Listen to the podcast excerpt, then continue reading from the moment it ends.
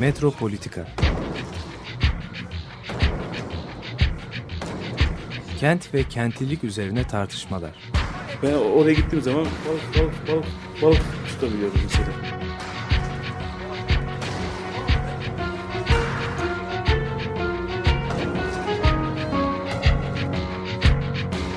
Hazırlayıp sunanlar Aysin Türkmen, Korhan Gümüş ve Murat Güvenç. Takusu yok yani. kolay kolay boşaltamadılar. Yani elektrikçiler terk etmedi Perşembe Pazarı merkezini. Merhabalar değerli Açık Radyo dinleyicileri. Bugün Murat Güvenç ile ben Korhan Gümüş birlikte yapıyoruz Metropolitika'yı. Murat bugün istersen geçtiğimiz haftanın gündemine oturan bir konu vardı. Hamidiye Su. Hamidiye suyu niye demiyoruz? Hamidiye su denmeye başlandı. O marka olarak. Herhalde çünkü suyu. Suyu. Değil, değil mi? Hamid- Yani Hamidiye Türkçesi suyu. bunun Hamid- böyle olması gerekir. Birdenbire hani böyle özel isim marka Hamidiye su denmeye başlandı. Hamidiye suyu dememiz lazım. Aslında e, geçmişten beri Hamidiye suyu. Aslında e, su ortada olsa Hamidiye desek kafi olur. Yani şey Osmanlıca açısından. Evet Yani, Hamidiye ama çok Hamid diye diye anılan Çeşmesi var, suyu var, Evet, işte şey, okulu var. var. mektebi. Yani ortada ö- örnek olsa Hamidiye denebilir yani. Neyse evet.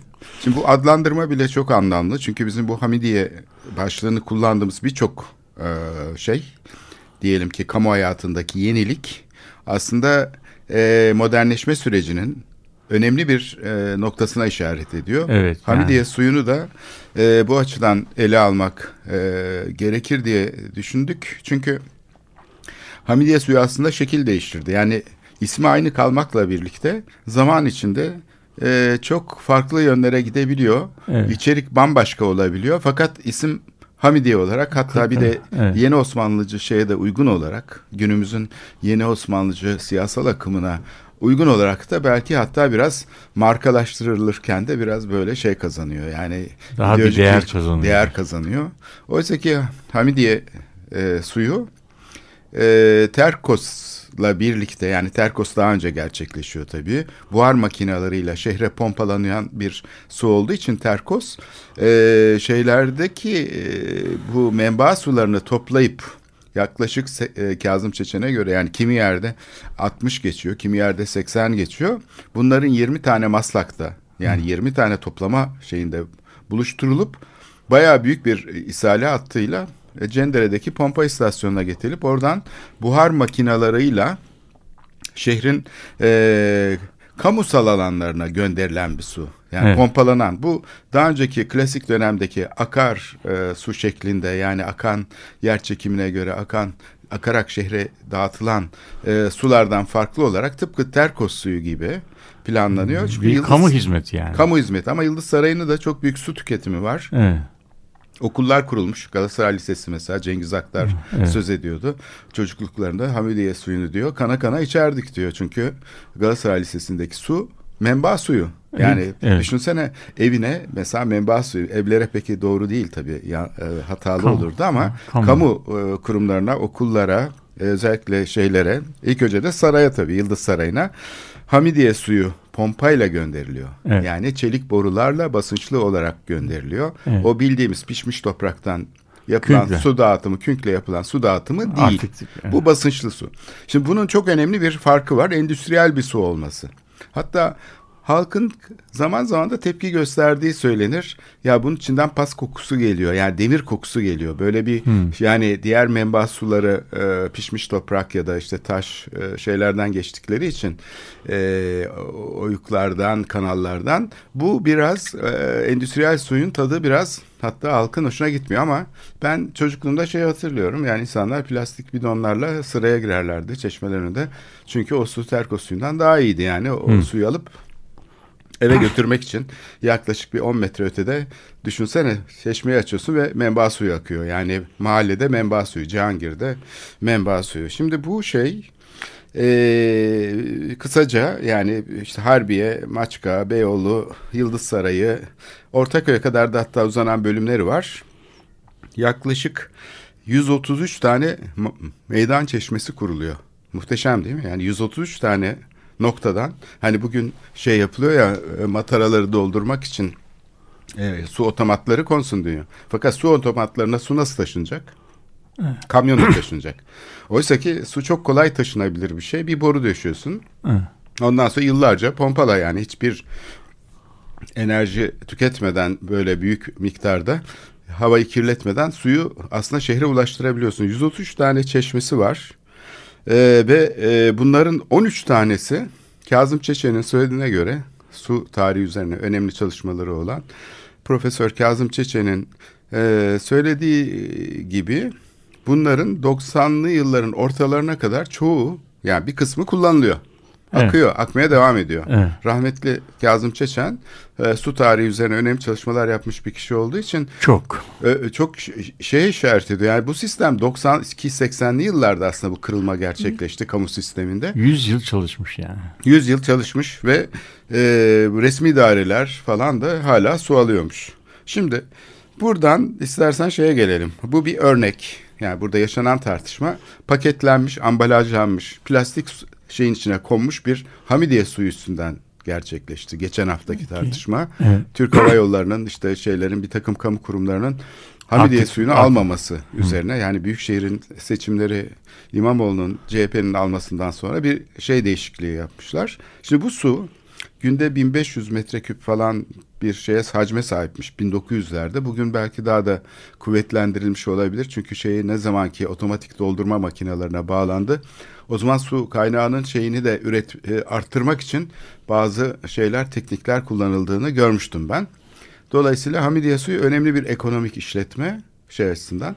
Ama hem piyasa kuruluşu olarak su piyasasına giriyor özel sektör kuruluşlarıyla birlikte. Üstelik de şehre çok yakın olduğu için taşıma maliyetleri daha düşük. Hem de aynı zamanda bir kamu kuruluşu, kamu sermayeli kuruluş.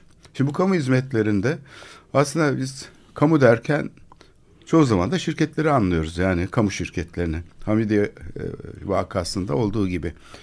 Bu kamu hizmetlerinin istersen gelişim üstüne duralım. Çünkü Abdülhamit zamanında şey yapılması e, söz konusu olan su mesela pekala damacanaya konup üzerine Hamidiye yazılabilirdi. Ve atlı arabalarla da satılabilirdi yani değil mi? Bu, bu da mümkündü.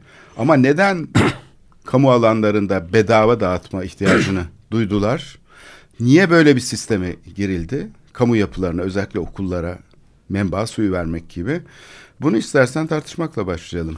Şimdi tabii bu e, bu senin gündeme getirdiğin soru için böyle kısa bir 5-10 dakikalık bir giriş yapmak lazım. Şimdi bu Osmanlı döneminde e, su gibi e, kamu hizmetleri aslında e, klasik dönemde e, devletin e, görevleri arasında değil. Bu bir vakıf e, işletmesi. Yani şahıslar aynı zamanda padişahın veya şeye hanedana e, mensup kişilerin yaptığı e, vakıflarla sağlanıyor. Yani mesela bu arada anekdot olarak söyleyeyim.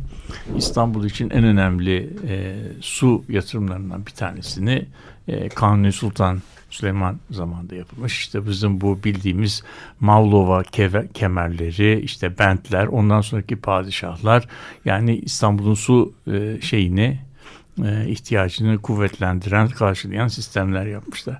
Bu sistem e, 19. 18. yüzyılın sonuna kadar iyi kötü e, çalışıyor. Vakıf sistemi. Biliyorsun vakıflarda da para e, vakıfın kuruluş amacına aykırı bir şekilde kullanılamıyor. E, ve bu sistem çalışıyor. Fakat e, daha sonra 18. yüzyılın ikinci yarısından itibaren toprak kayıpları e, başlayınca bu vakıflara para sağlayan bu şeydeki Balkanlardaki büyük çiftlikler, topraklar e, Osmanlı Devleti'nin kontrolünden çıkıyor. O zaman vakıflar parasız kalmaya başlıyor. Vakıflar parasız kalmaya başladığı zaman da sistem e, şey zafiyet e, yani beslenmediği için zafiyet şeyleri başlıyor. Ve bu durumda e, parasız sağlanmaya başlanan bazı e, hizmetler karşılığında böyle türedi türedi oluşumlar görülmeye başlıyor. Çeşmelerin başında bu çeşme bizim gediğimizdir filan diyen Yeniçeriler çeşmenin suyunu bir çeşit kontrollerine alıyorlar. Gedik diye bir sistem var. Ondan sonra e, ve 19. yüzyılın başına gelindiği zaman İstanbul'da aslında su sistemi e, yani kötü vaziyette. Kötü vaziyette. Fakat 19. yüzyılla beraber İstanbul'un nüfusu e, yüzyıl başında 300 binden yüzyılın sonunda 1 milyon 200 bine artıyor. Ve bu tabii bu şehre bir su getirmesi lazım. E, 1850'lere gelindiği zaman durum felaket. Çünkü artık bu su sistemi hiç kimseye e, kafi gelmiyor.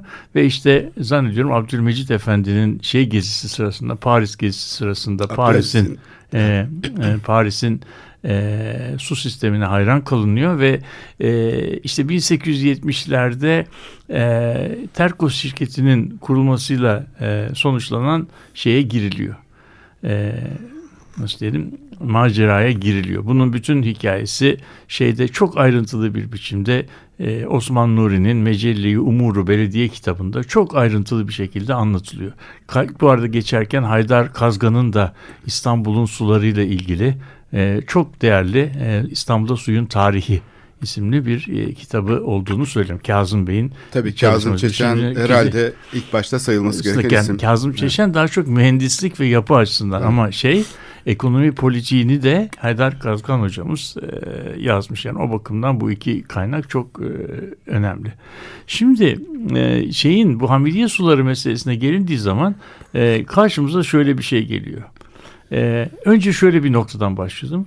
İngiltere'de, Fransa'da, New York'ta bir yere gittiğimiz zaman bizdeki gibi şehir suyu, damacana suyu diye bir ayrım yok.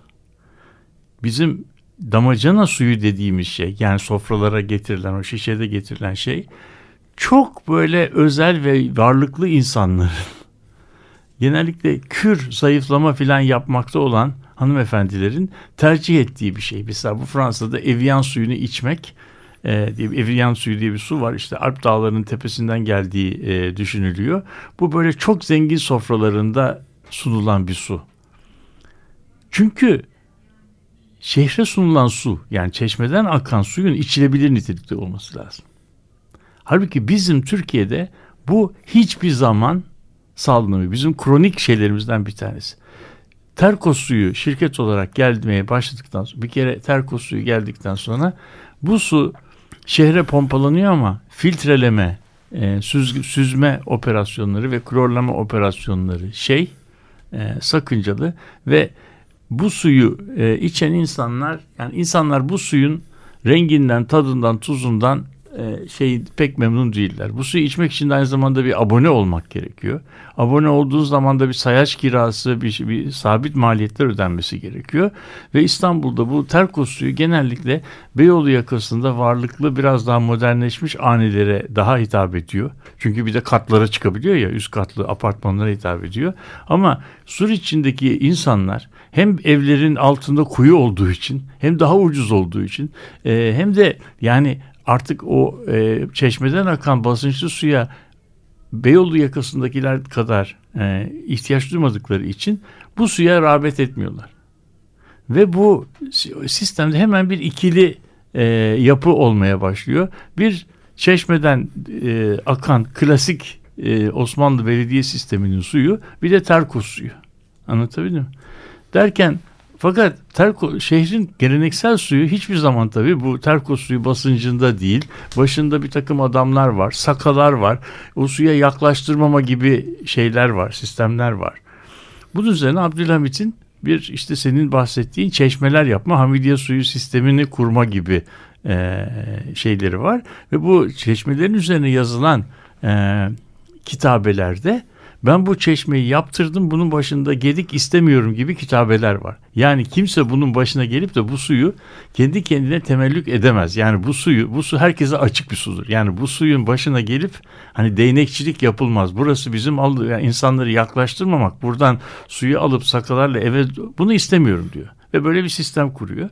Böyle bir ikili bir sistem olarak bu e, uzun süre, çok uzun süre yani 1990'lara kadar e, yaşıyor ve İstanbul'da Anadolu yakasında da e, Çamlıca tarafında bazı böyle akan çeşme, e, nasıl diyelim e, kaynak suyu akıtan çeşmeler olduğu bilinirdi.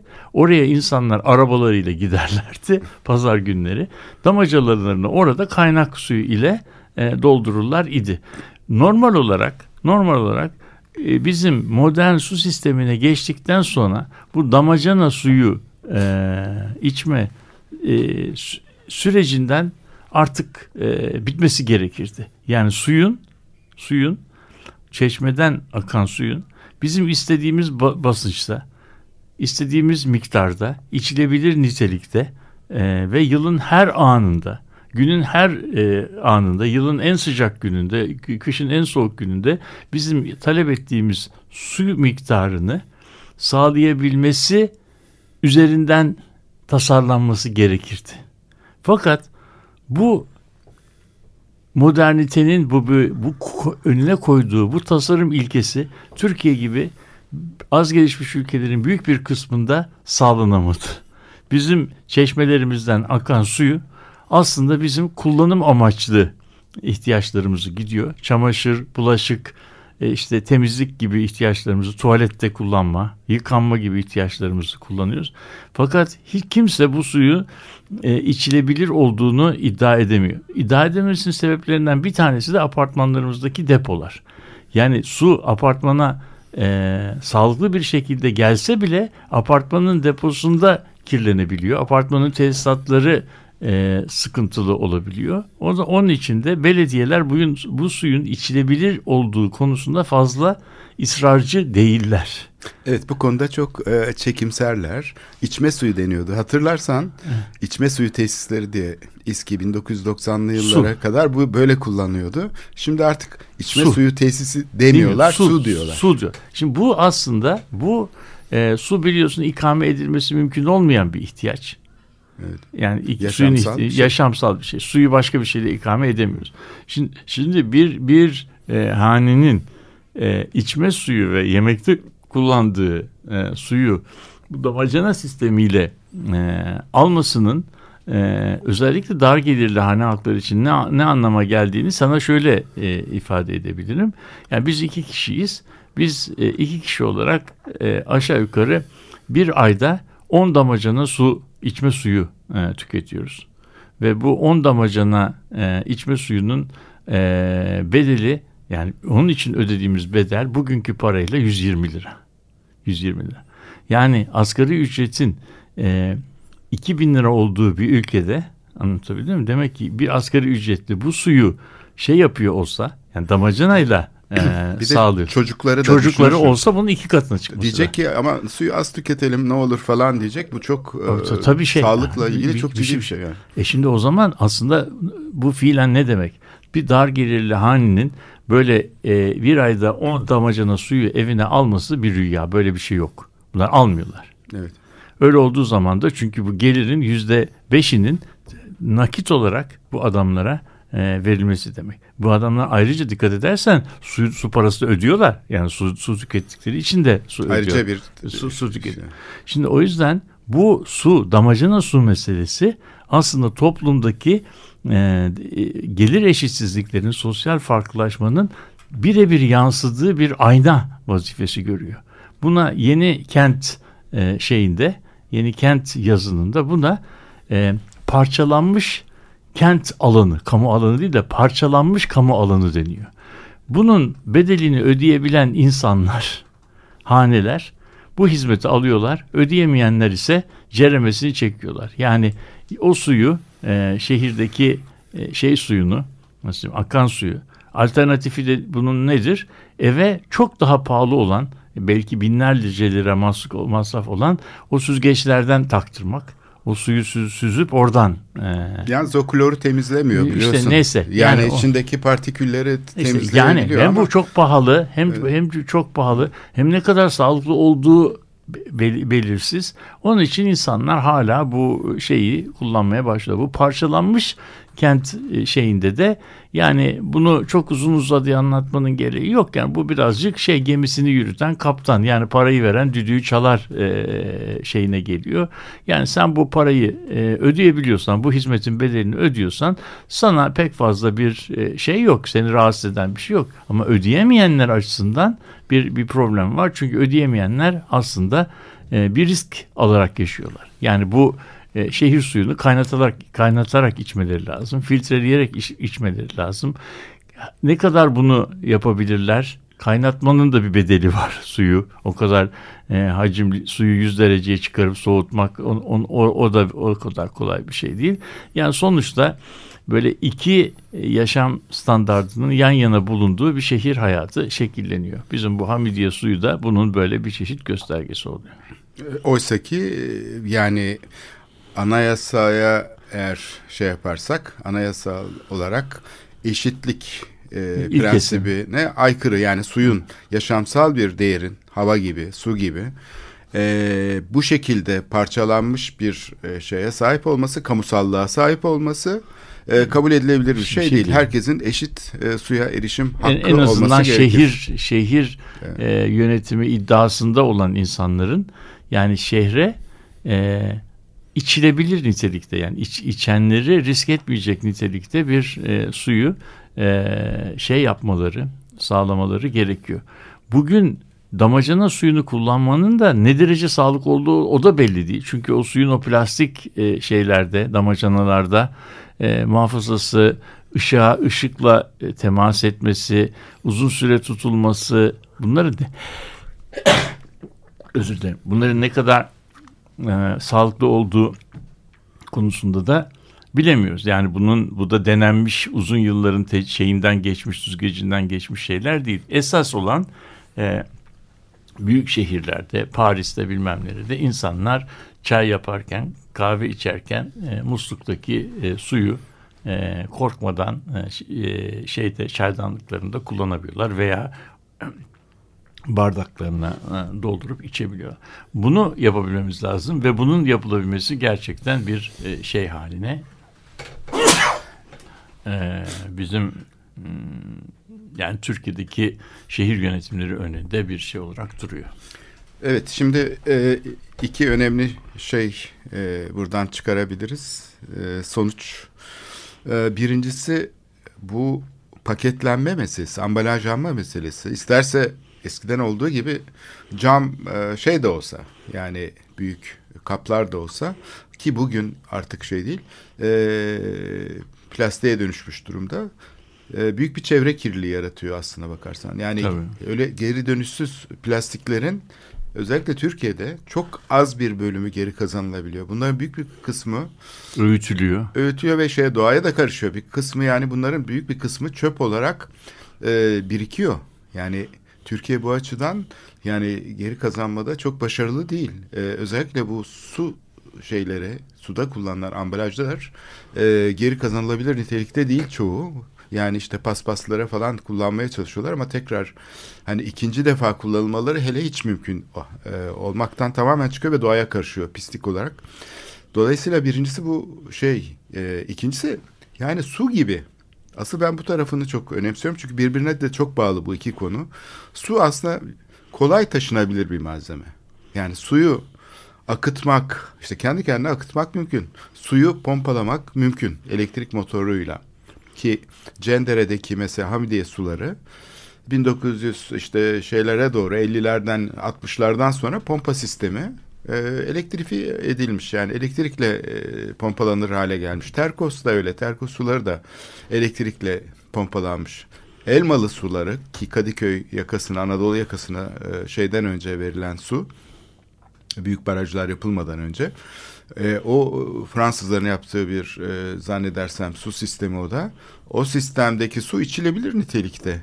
Ben hatırlıyorum çocukluğumda e, babam şey derdi yani elmalı suyunun hani dedemlerin işte dedemler karşı tarafta oturuyordu teyzemler falan e, biz de Anadolu yakasında oturuyoruz. O taraftaki su içilmez ama bu taraftaki su içilebilir derdi. Çünkü o zaman birinci Boğaz Köprüsü yapılmamıştı henüz ve şehirleşme de bu su kaynaklarını çok ciddi bir şekilde tahrip etti. Yani sadece yönetim problemi açısından değil, şehrin gelişmesi şey içinde zaten birçok baraj yerleşim alanının içinde kaldı.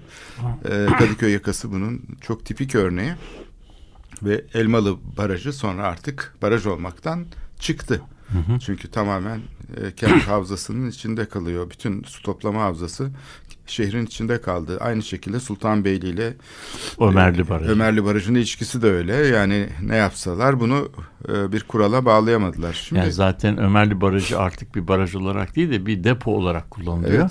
Evet, su deposu. Yani su deposu şeyden getirilen işte bu İzmit tarafından Melen'den getirilen su o şeyde barajda e, depolanıyor. Ondan sonra pompalarda şehrin başka yerine dağıtılıyor. Yani o aslında bir su su toplama yeri olmaktan çıkıyor. Bir sarnıç vazifesi görüyor. Sarnıç vazifesi görüyor. Açık sarnıç. Yani bu şey için de söylenebilir. Avrupa yakası içinde.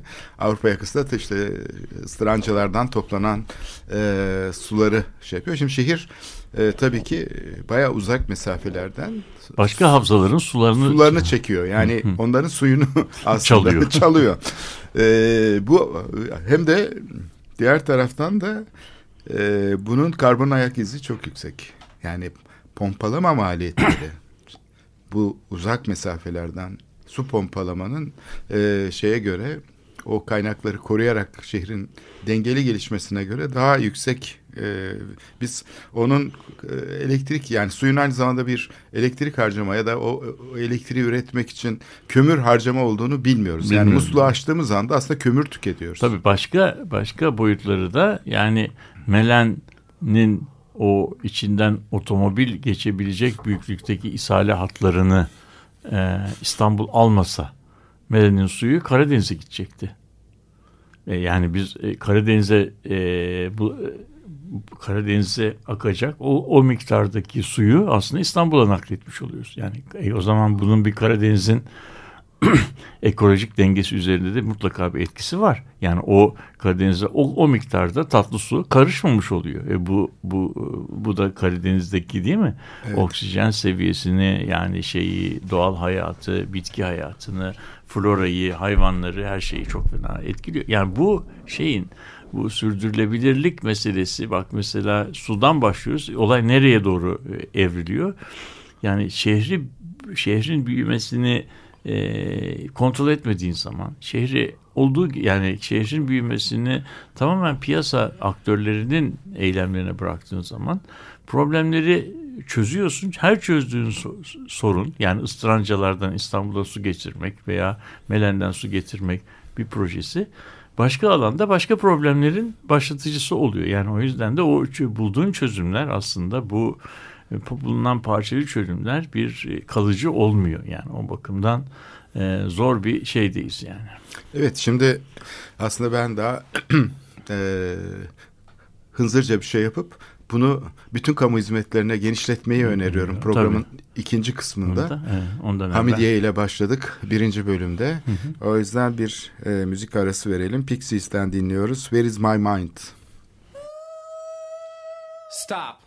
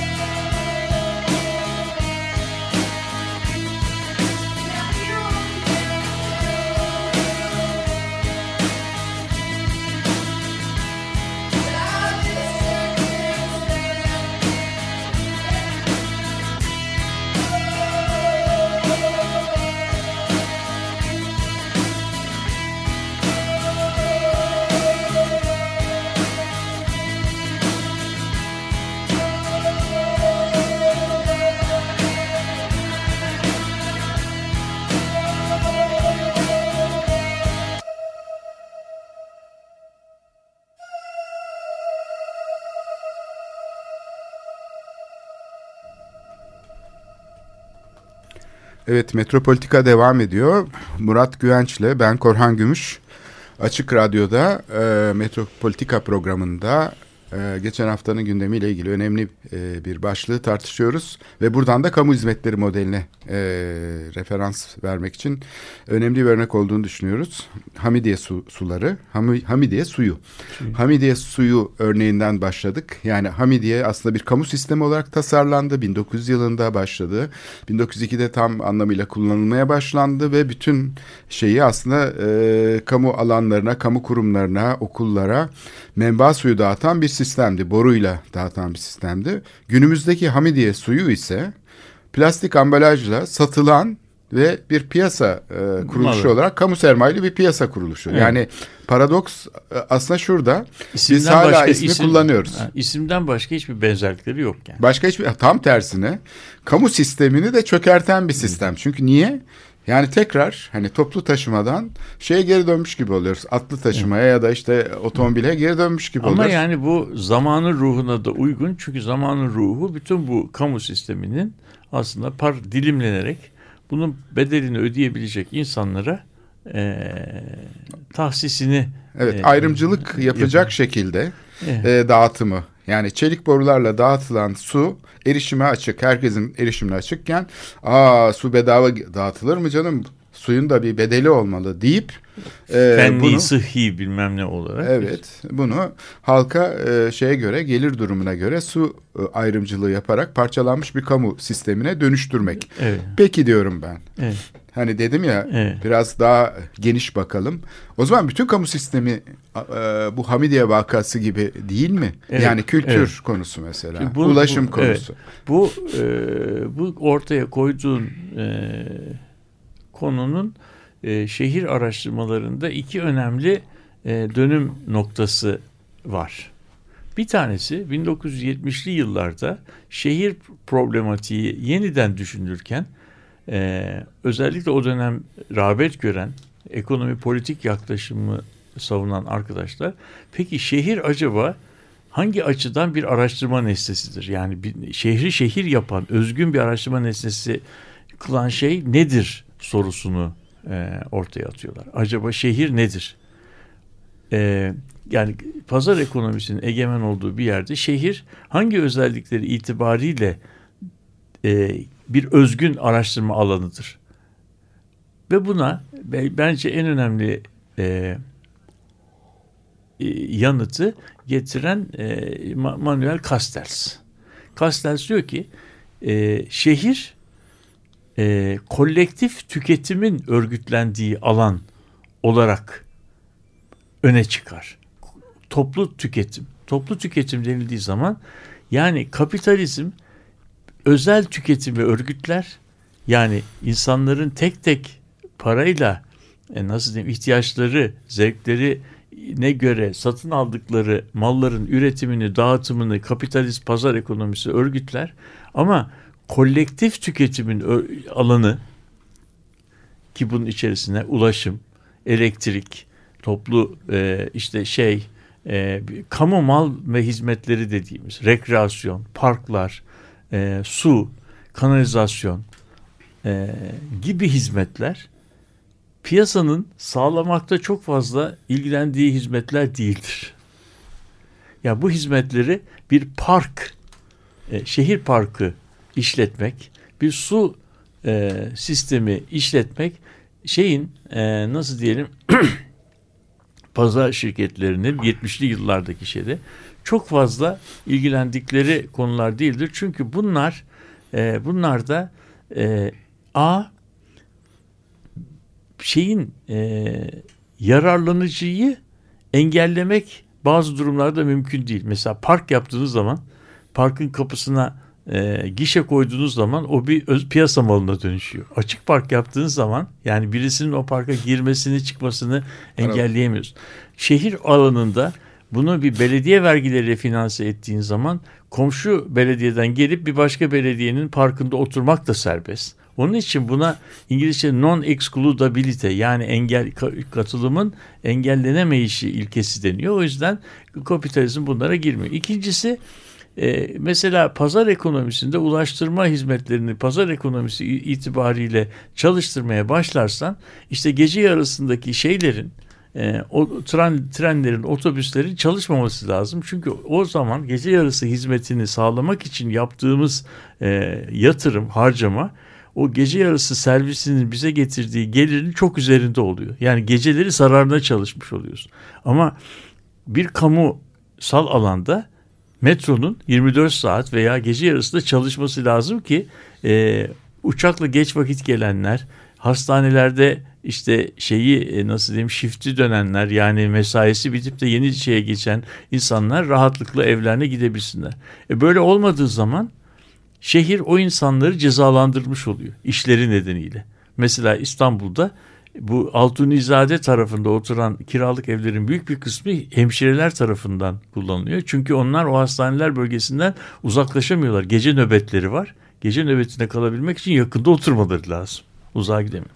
Şimdi pazar pazar bu kamu alanı e, içine gelemiyor. Çünkü o zaman bunun regülasyonları, bunun koşulları, bunun bu hizmet sağlama kriterleri piyasa kriterleriyle çelişiyor idi 1970'li 80'li yılları. Ama 80'li yıllarda neoliberal e, döneme, neoliberal anlayışa adım adım geçildikçe bu kamu mallarının kamusallığını sağlayan hizmet ilkelerinden giderek adım adım taviz verilmeye başlandı. Yani o zaman yeterince e, gelir sağlamayan saatlerde hizmetlerin kırpılması, rasyonelleşme alanında. Bazı alanların e, kamusal olmaktan çıkarılıp e, şeye e, özel e, şirketlere devredilmesi. E, onlara tarifelerini ve fiyatlarını giderek kendi bildikleri gibi ayarlayabilme yetkilerinin ver, verilebilmesi ve bu yetkiler verildikçe de bu hizmet bu hizmeti sağlayıcılar da müşteriler arasında hizmet kalitesini farklılaştırarak fiyat seviyeleri, seviyeleriyle oynamaya başladılar. Yani İngiltere'de bir yerden bir yere gitmenin 80 çeşit fiyatı var. Sabahleyin duraklarda durmayan ekspres bir serviste gitmeye kalkarsanız o servisin bedeli işte duraklarda duran bir servise oranla iki kat üç kat fazla olabiliyor. Yani aynı şey. İngiltere'de muazzam bir demiryolu sistemi var ama demiryolu sisteminin sahibi sadece rayların sahibi olarak demir İngiliz devleti. Üzerinde çalışan trenler, istasyonlar, işletmeler tamamen farklı şirketlere ayrı ait. Yani nasıl bizim Türkiye'de e, şehirler arası bir zamanlar otobüs şirketleri karayollarını kuruyor, kullanıyorlarsa İngiltere'de de demiryolları üzerinde özel şirketlere kontrol ettikleri farklı farklı renklere, farklı farklı şeylere boyanmış e, trenler çalışıyor. Rekabete açık. açık. Her şey her şey rekabete açık. Evet. Her şey. Ve bu, bu bunlar da e, ürünlerini yani hizmetlerini nin kalitesini müşterinin alım gücüne göre ayrıştırıyorlar. Böyle olduğu zaman bu toplu tüketim alanı dediğimiz şehirdeki o toplu kelimesi paramparça oluyor. Yani toplu olmuyor artık bu e, toplu tüketim al alanı parçalanarak e, şeyde e, şehirdeki farklı gelir gruplarına, farklı e, farklı talep türlerine göre hizmet türlerinin farklılaşması sağlanıyor. Bu aslında postmodern e, anlayışa da çok uygun. Çünkü insanlar ya ben böyle bir hizmet istiyorum. Bunun parasını ödemeye razıyım. Niye ben bunu satın e, alamayayım? Örnek Onu, deniz otobüsleri deniz gibi. Ot, deniz İstanbul'da otobüs, deniz evet. otobüsleri ilk kurulduğunda bu modelde kuruldu. Ama sonra onu da ayakta kalamadı. O model de çöktü. Niye?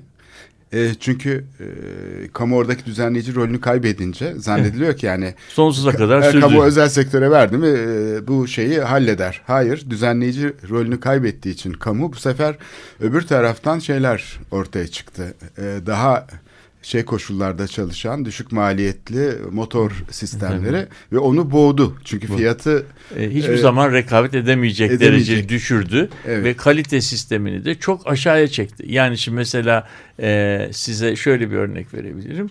Deniz otobüslerini beğenelim beğenmeyelim ama deniz otobüslerinin içerisine girdiğiniz zaman yani deniz otobüsü şey yaparsanız onun bir ses izolasyonu var idi. Motorda böyle bir ses izolasyonu yok. Kışın e, yani hava almak için dışarıya çıktığınız zaman inanılmaz derecede e, yoğun bir gürültü içinde eğer adaya gidiliyorsa saatlerce e, yolculuk yapmak zorunda kalıyorsunuz. Bu o sesin insanı nasıl yorduğunu anlatamam. Yani şeyin o vapurla mesela vapurun alternatifi motor olamaz. Çünkü motor sağladığı hizmet standardı itibariyle herhangi bir şehir hatları vapurunun sağladığı hizmet standartının çok altında bir hizmet standartı sağlıyor. Ama, Ama fiyatı 3 misli. Fiyatı da 3 misli. Evet. Ve Şimdi, o zaman biz o vapuru vapuru tasfiye edip yerine motorla ikame etmeye çalışıyor.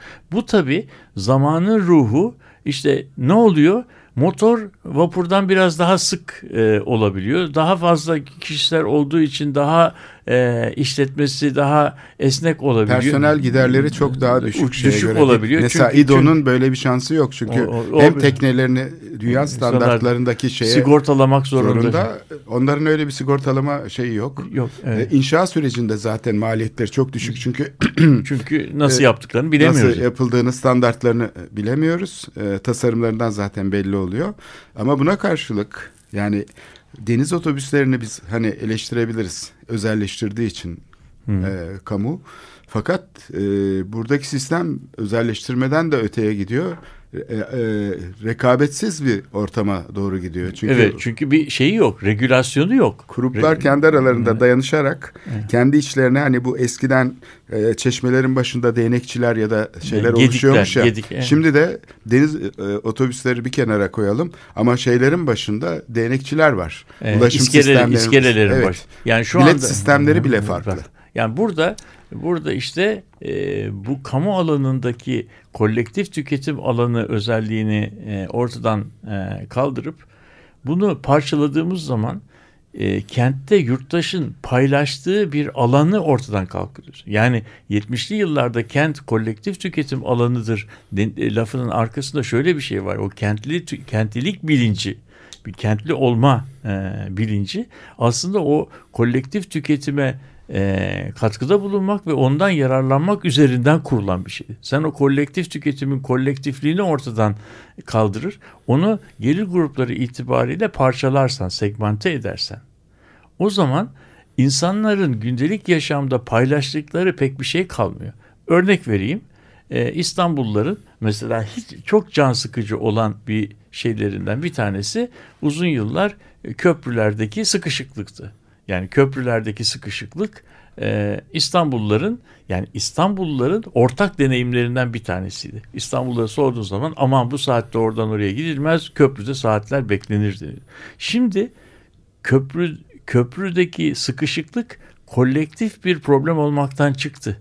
Sadece Avrasya Tüneli'nin parasını ödeyemeyenlerin e, deneyimlediği bir e, problem olmaya başladı. Çünkü siz eğer Avrasya Tüneli'nin bedelini ödemeye razı iseniz yani bir geçiş bir geçiş karşıdan karşıya geçiş için 10 lira yerine 25 lira ödemeye razı iseniz o zaman karşıya Avrasya Tüneli'nden geçersiniz ve bu problemi e, kendi dışınıza atarsınız. Yani onu başkaları e, düşün, düşünmektedir. Şimdi böyle bunu genelleştirdiğimiz zaman Telefonda da siz eğer özel bir müşteriyseniz size daha yüksek bantlar, daha hızlı şeyler, internette daha fazla ödemeye razıysanız süper hızlı bilmem e, iletişim hatları ve band e, band genişlikleri. E, yani network şebeke olarak çalışan her şeyde bir ürün farklılaşmasına gidiyoruz bu e, pazar ekonomi içerisinde ve bu e, nasıl diyelim toplumsal ölçütler üzerinden regüle edilmediği takdirde toplumdaki e, sınıf ve katmanlara farklı hizmet standartlarında e, bir kamusallık yaşatıyor.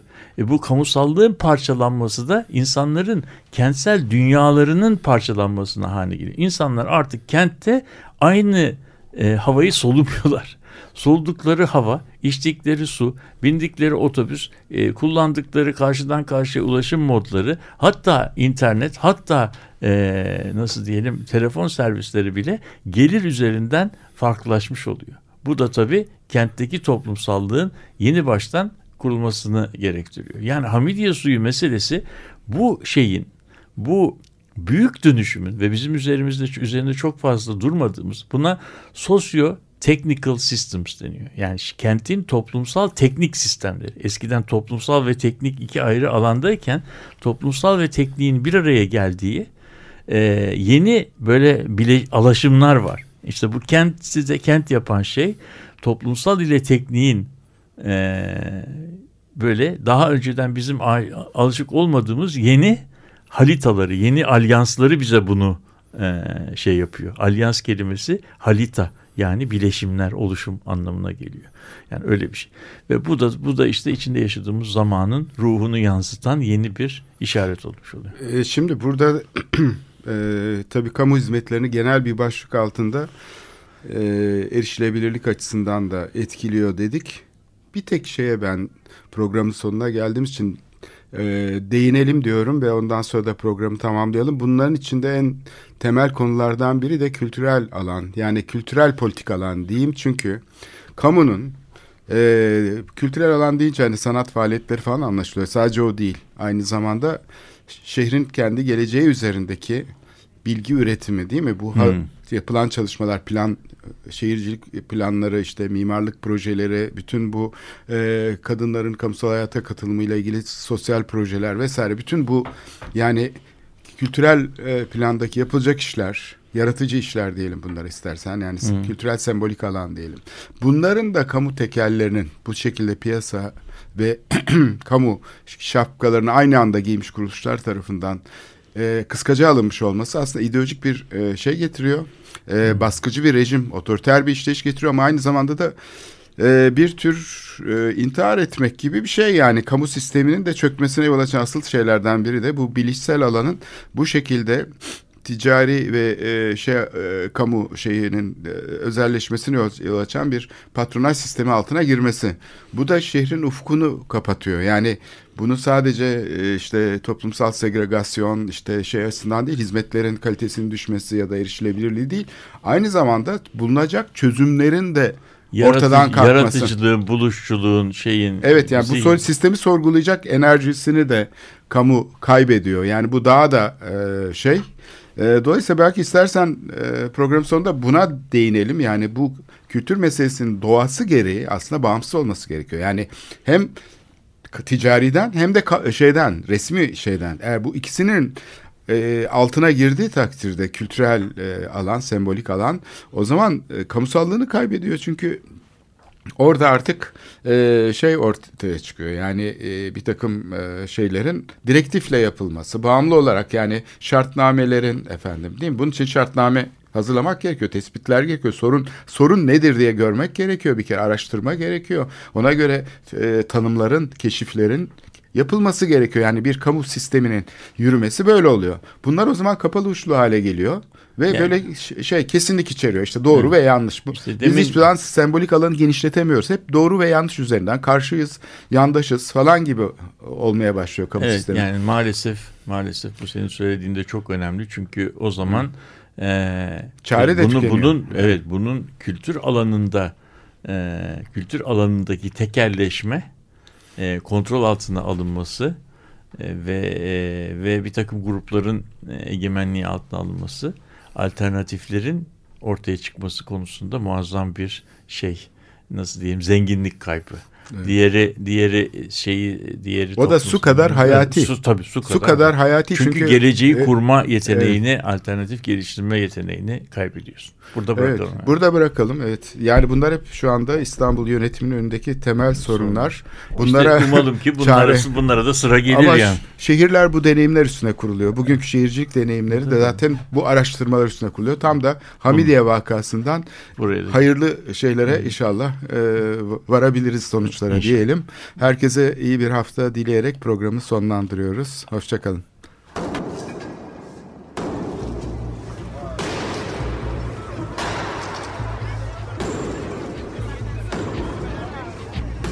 Metropolitika Kent ve kentlilik üzerine tartışmalar. Ben oraya gittiğim zaman balık balık balık balık tutabiliyorum mesela.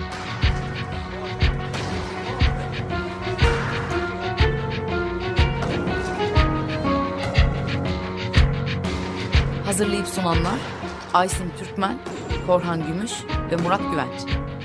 Takusu yok yani. Kolay kolay boşaltamadılar. Yani elektrikçiler terk etmedi Perşembe Pazarı.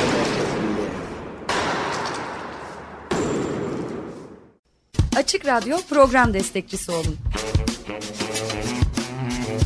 Bir veya daha fazla programa destek olmak için 212 alan koduyla 343 41 41.